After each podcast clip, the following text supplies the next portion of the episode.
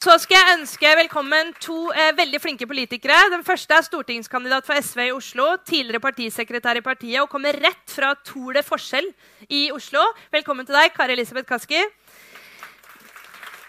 Den neste vi skal ha opp, er stortingspolitiker for Høyre i finanskomiteen. Hun er kjent som både frittalende og frittenkende. Og i sommer ble hun utpekt som Kari Elisabeth Kaskis hovedfavorittmotstander i politikken. Velkommen til deg, um, Heidi Nordby Lunde. Ja, Heidi, hva tenker du? Altså, en av debattene som har pågått den siste tiden, er eh, rett og slett om ulikheten øker eller ikke. Det har, Selv om ikke eh, Rolf ville si under hvilken regjering forskjellene har økt mest, så har han sagt at siden 80-tallet har de økt, og de har økt hvert år. Hva tenker du om det? At, uh, for det første så tenker jeg at uh, Hvis bare alle politiske debatter på TV hadde starta med de to gutta der, så ville verden vært et bedre sted. rett og slett. nei, Det er ikke noe tvil om at, det, at det, ulikheten har økt både i Norge og i Europa. Jeg trengte for så vidt ikke den innledningen for å verken si eller anerkjenne det. Og så er jo spørsmålet um, um, det, er viktig å se på hvorfor, for vi må forstå hvorfor og hvordan det, det, skjer, for å kunne ha de tiltakene som vi eventuelt vil. Så er det jo viktig å legge, legge, til grunn da, at Norge er fortsatt et av de eh, landene med minst um, ulikhet i verden. Uh, og det er jo selvfølgelig en verdi vi skal ta vare på. Så er jo spørsmålet da hvor, hvor lik altså, hva mister vi hvis vi har likhet som det ene idealet? Eh, det sa ikke dere, sånn sagt, men likhet kan ikke være det, det, eneste idealet. For da vil det gå utover alle samfunnsgrupper.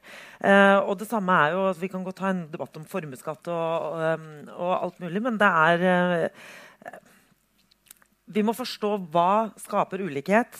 Hvilken ulikhet er negativ? Og så må vi anerkjenne også, mener jeg, at man, eh, man uh, vil ha Eh, ulikhet i et samfunn som har blitt mer mangfoldig. Og Dere nevnte, måte, dere var veldig kort innom innvandring, men jeg mener det burde være relativt åpenbart når Norge, et lite samfunn som Norge tar inn 30 000 mennesker uten eh, samme bakgrunn som, som som som kommer fra krig og fattigdom i løpet av et år, så vil det jo være et gap mellom de 30 000 og egentlig bare rett og slett opp til eh, Dere snakket om et trygdet ektepar. Eh, til og med. Altså, de, bare der vil du ha en ulikhet, eh, for ikke å snakke om mellom deg, meg og deg og dem. Det, uh, men da må vi jo jobbe med hvordan kan vi kontinuerlig sørge for uh, å løfte folk. Og det har jo, uh, Jeg mener at Høyre har snakka om det alltid, gjennom bl.a. Uh, skolepolitikk og mulighet for alle. Mm. Kari Elisabeth, Hvis man veldig forenklet da, tenker seg at til høyre så bestemmes på en måte forskjeller av individuelle egenskaper, og helt til venstre så handler alt om strukturer og omgivelser, hva er riktig?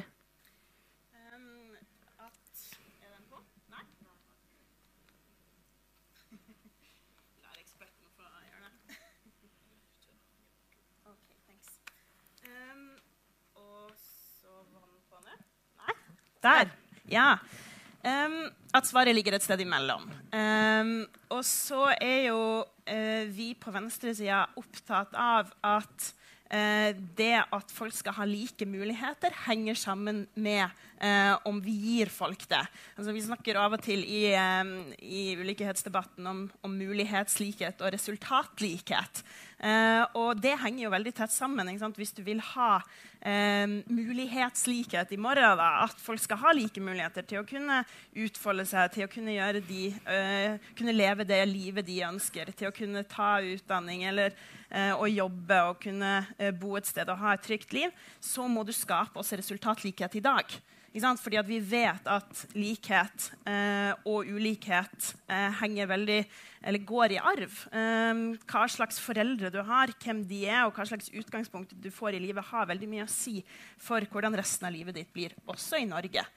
Eh, og derfor så tenker jeg da litt sånn I debatten om ulikhet som vi har nå i valgkampen, uh, men også som vi bør ha etter valget, uh, og som vi bør ha i lengre tid i Norge, så, så er vårt, uh, eller SV sin, sin liksom hovedkritikk av dagens regjering går liksom på to ting. Det ene er at um, vi ser at ulikheter øker. det er noe som har skjedd over lengre tid. Det er noe som har skjedd i mange land, og også i Norge, siden 80-tallet. som vi fikk høre her. Og vi mener at vi ikke ser de kraftfulle virkemidlene fra regjeringa for å motvirke den ulikhetsveksten. Det er det ene. Det andre er at vi kritiserer regjeringa for å stå for en politikk som i seg sjøl vil føre til økt ulikhet framover. Og det tenker jeg også er viktig. At Hvordan du møter den voksende ulikheten, eh, har mye å si. Og hvis du da samtidig står for en politikk som over lengre tid vil føre til økt ulikhet, så er det et problem. Som f.eks at du har lav skatt på formue, på arv og på eiendom. At eh, vi ser en, en, endring i arbeidslivet der vi går mer i retning av mer midlertidighet fra kollektive til individuelle avtaler. den type utvikling. Mm. Eh, Heidi, hvis vi bare tar eh, eh, Vi har diskutert formuesskatten masse i valgkampen. Hvis vi bare tar den, så blir vi ferdig med den. Sa, eh, Rolf sa at det, det, kan være forskjellige hensyn man tar. Dere kan si at ok, vi kutter i formuesskatten. Antakeligvis vet dere at det vil øke ulikheten, isolert sett, men at kaka vil bli større. Har ikke historien egentlig vist litt at det er feil? At vi på 80-tallet. Hele ideen om å slippe markedet fri, sette ned skattene for at måte, kaka skulle vokse, eller for at det skulle sildre ned til resten. Alle visste at ulikheten ville øke først, men så skulle det komme alle til gode. Og så skjedde ikke det. Men dere prøver litt det samme igjen. Nei, Det er jeg ikke helt, uh, helt enig i. for at, uh, jeg synes OECD egentlig bruker et veldig godt begrep, og det er inkluderende vekst. Fordi Samtidig som du skal bake den kaka større, så må du også se på uh, fordeling og hva du investerer i. Og det er én ting som, som, forskerne ikke var inne på, men når man snakker om uh, Thomas Piketty, så er det noe som man, man snakker alltid om kapitalen, men man snakker heller ikke om de to andre tingene som han sier er helt sentrale for å, å bekjempe ulikhet. Og det er bl.a. Uh, tilgang på kunnskap, dvs. Si en god skole. Der mener jeg faktisk at Høyre leverer. Og det andre er er at alle skal ha tilgang på, uh, på uh, rimelige og tilgjengelige helsetjenester. Og det har vi i Norge. Og det er jo som du sa, altså, Vi tar ikke inn skatt for å brenne pengene. Dette her reinvesteres i offentlige tjenester. Og hvis ikke det tas med i det bildet, så, så mener jeg at det bildet blir veldig veldig skeivt. Og det er det, uh, jeg mener at denne regjeringen også har levert på det gjennom å ha en, en fattigdomsmelding bl.a. Gjennom å, å, å, legge fram tiltak for lavinntektsfamiliene. Gjennom å gi billigere barnehage til, til de fattigste familiene familiene osv. Så, videre. så det har kommet masse tiltak som er ment å være nettopp med den omfordelingen som går på offentlig tjenesteproduksjon. Mm. Men når det gjelder formuesskatten, så er jeg helt enig. Det er nok en av de mest fordelende skattene vi har. fordi at du tar eh, fra de som formuessett er de aller, aller rikeste. Eh, men det vi ser, og det vi legger vekt på, er at vi mener at dette skader norske arbeidsplasser. Og jeg skulle virkelig ønske at dere hadde hatt anledning til å forske mer på det. For jeg tror eh, når vi er ute og snakker med folk, og særlig altså Her i Oslo så hører jeg aldri om formuesskatt kommer til Møre og Romsdal, så er det det eneste jeg hører. Og det handler om at de bedriftene som har, altså Det er familieeide bedrifter som har, som har gått i arv i flere generasjoner, hvor formuen er bundet opp i bygningen, i produksjonsmaskinene osv. Og, så mm. og hvor de som sitter, som helt sikkert har bedre lønninger enn en oss tre som, som sitter her, eh, men de sitter i ledelsen for selskapet, allikevel må ta ut kapital fra selskapet for å betale formuesskatten, som forfaller uansett om den går med overskudd eller ikke. Og etter ti år, nå er vi snart ti år siden finanskrisa, så har Norge vært i ti år hvor det er mange bedrifter som har slitt. En formuesskatt eller en skatt som, som, må, som, forfaller uansett, og si at det ikke skader norske arbeidsplasser, eh, det, det, blir veldig feil. Og, og, så får jeg spørsmål hele tiden har det skapt noen arbeidsplasser da, de siste fire årene. Nei, det tror jeg ikke, men jeg tror faktisk at det har bidratt til å redde arbeidsplasser. At man reduserer på det som må betales. Så jeg er fortsatt men, for fjerning av formuesskatten. Mm. Mm. Men nå er det jo litt sånn som Rolf sa, så fins det ikke så uh, mye forskning som belegger det her. Og hvis dere åpna for en unntaksmulighet, så man kunne søke unntak for formuesskatten hvis det gikk dårlig, og det er nesten ingen som har søkt 50 stykker eller noe sånt, går det da så dårlig? Siste spørsmål om det, så skal vi liksom komme oss videre til ulikhetstemaet igjen.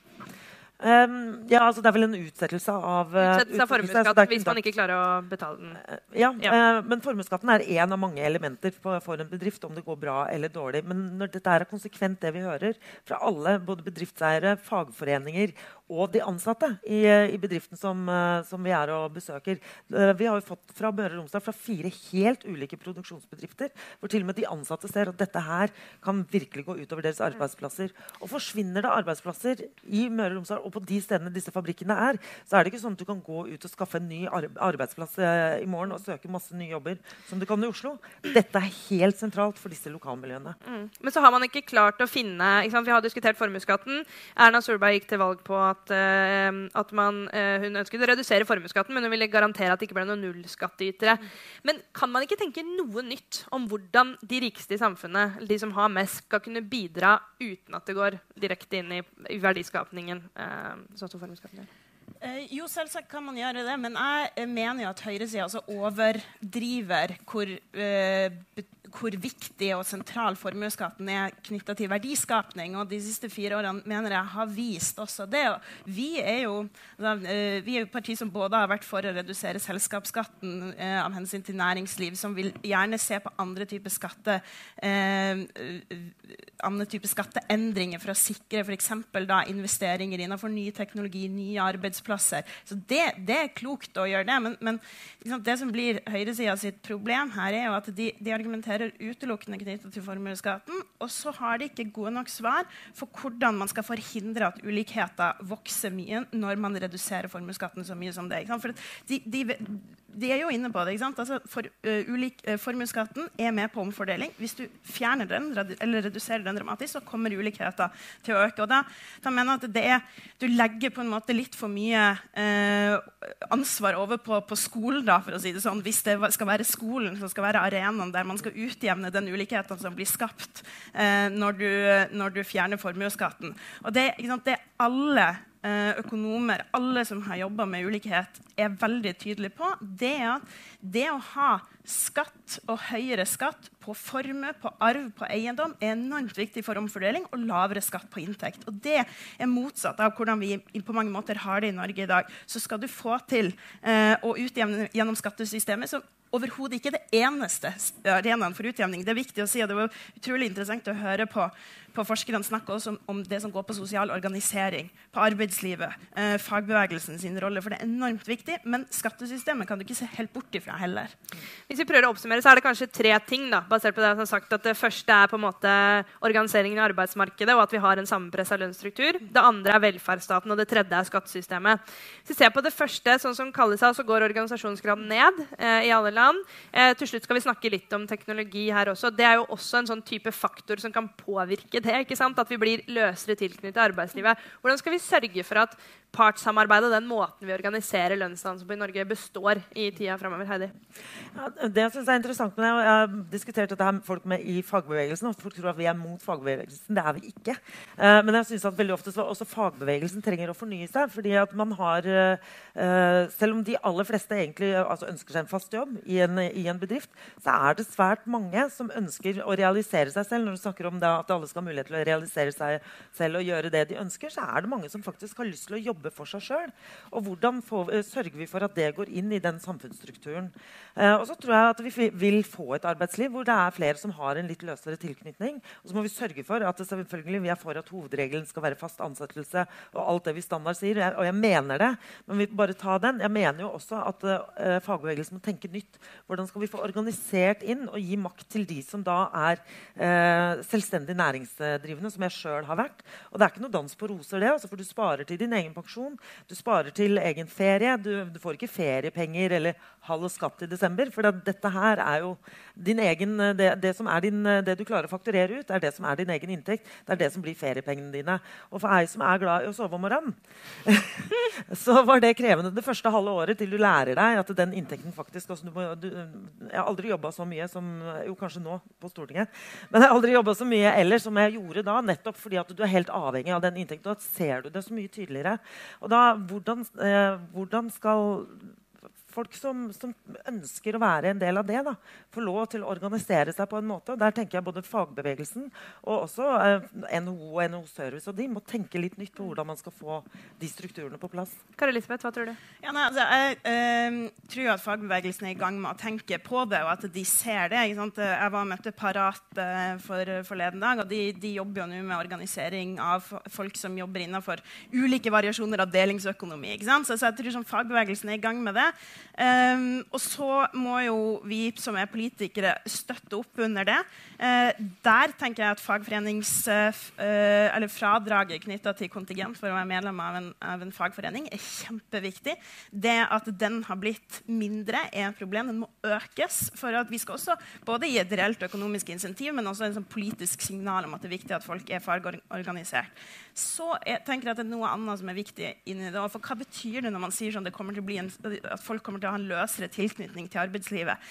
Fordi jeg tror at vi kommer til å gå inn i ei tid nå der min generasjon ikke kommer til å jobbe liksom 25-30-40 år på samme sted. Jeg tror vi kommer til å bytte jobb hyppigere. Um, men det trenger jo ikke bety at vi får en løsere tilknytning til arbeidslivet. Tvert imot så er det jo nettopp i møte med det vi trenger å sikre at vi har en ganske eh, si, en god og solid arbeidsmiljølov for eksempel, som tar utgangspunkt i at arbeidslivet har endra seg. Det er i sånne tider at du trenger å sikre det kollektive i det individuelle.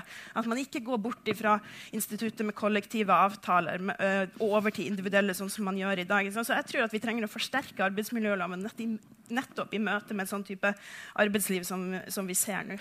Kort til det.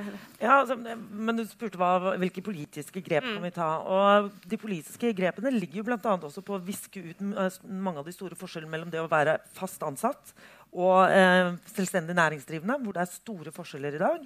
Og så må du også prøve å se på den store forskjellen mellom å være ansatt i offentlig sektor og privat. Mm. Og hvis vi ikke får til de overgangene der, mm. så tror jeg vi eh, så mister vi ikke minst kompetansedeling mellom offentlig og privat, som jeg tror blir mye mye viktigere framover. Det handler bl.a. om pensjon? Det handler veldig mye om, om, pensjon, men også sosiale rettigheter. Mm.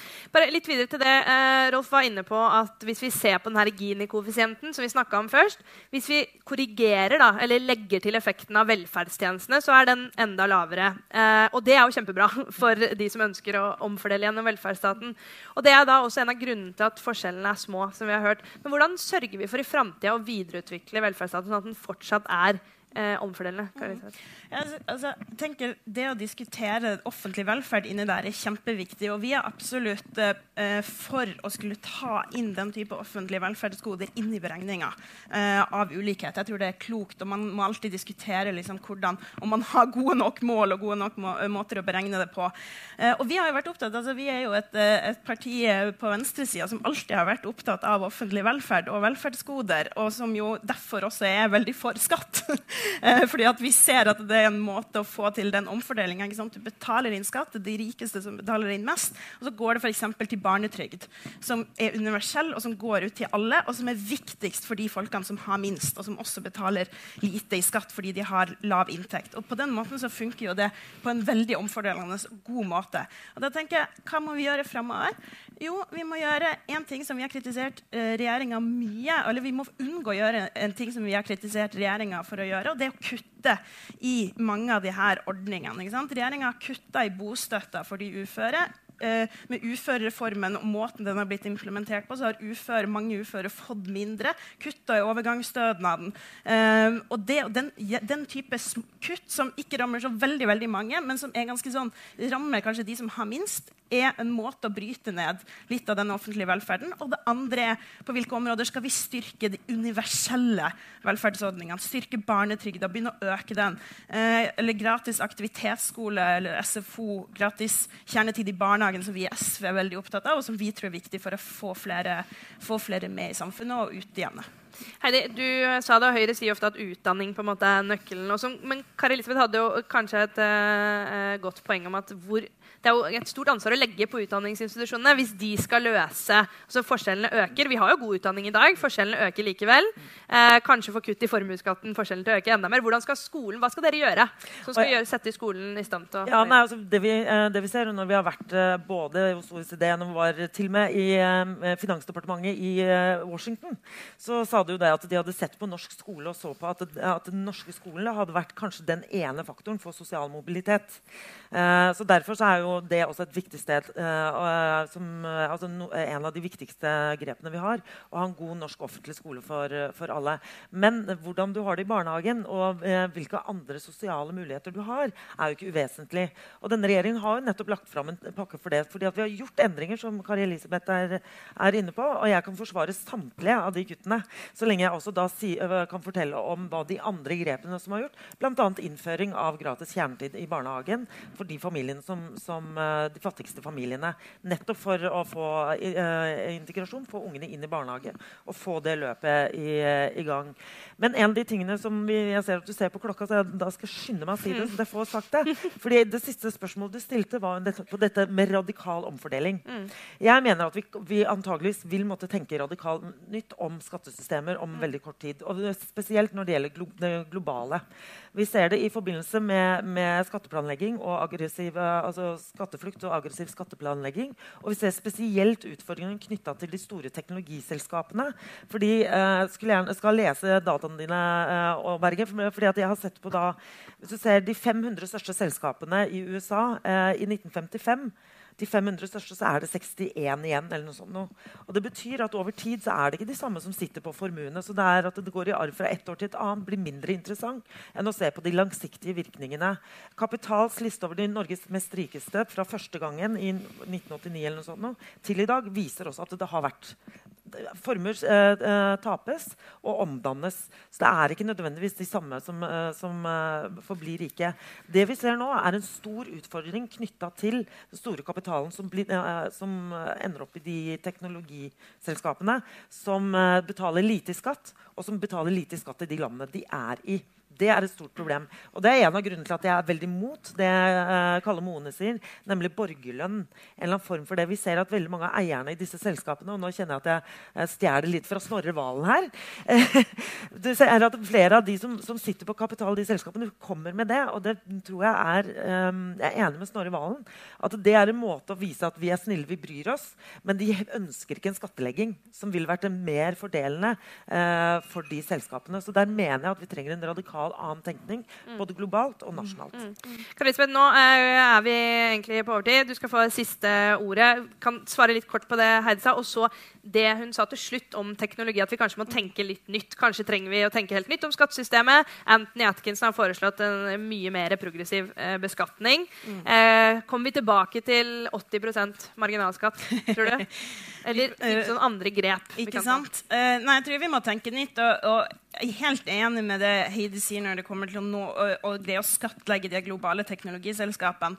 Um, vi har jo foreslått flere, kommet med flere forslag om det på Stortinget i perioden her uten å få flertall for det, og håper at vi kan få et enda sterkere løft for det uh, i neste periode. Det må åpenbart løses internasjonalt, men det er også grep vi kan, kan gjøre nasjonalt for å, for å, få, uh, ja, for å få bedre skattlegging der. Så um, tror jo også jeg at jeg var litt inne på det med organisert arbeidsliv. Jeg tror Noe av nøkkelen i møte med den teknologiutviklinga som vi ser, er der. I tillegg til uh, at vi må sikre at skattlegginga sørger for at det ikke vil være bare de som er eier av de teknologiselskapene, som sitter igjen med hele kaka. Vi må greie Nøkkelen uh, til å få til omfordeling er at Eh, det man henter ut, gevinsten fra de selskapene, blir spredd også på de folkene som jobber der. Og det, det, har man ikke lykkes godt nok med. Venstresiden har egentlig alltid vært for teknologi. Fordi at effekten av det, effektivitetsgevinsten av det har bedra livene for de folkene som har jobba i de bedriftene. Men hvis du ser, ikke sant, Det skrekkeksempelet er jo liksom av og til USA, der du har både folk som står og trykker på knappen i heisen, og Apple og Google. Så, Så hvis, du, hvis, du, mister liksom, evnen til å faktisk omfordele mellom de som eier de store teknologiene, teknologiselskapene og de folkene som jobber der, så, så, får du et kjempestort problem. Og vi må sørge for at vi ikke kommer dit. Men grunnleggende sett så tror jeg det er noen enorme gevinster å hente ut i den digitaliseringa og den teknologiutviklinga som vi ser nå. Vi må bare få til, til omfordeling. i forbindelse med det. Så bare kjempekort til slutt. Hvorfor er små forskjeller en uh, viktig verdi å ta vare på? Eller er det det? Det er en viktig eh, verdi å ta vare på, bl.a. fordi det, jeg tror det skaper tillit til samfunnet. Både mellom mennesker og mellom samfunnet og det politiske systemet. Men det krever sterke institusjoner, som jeg mener er det båndet som skaper, eller eh, sørger for den tilliten og trygger den.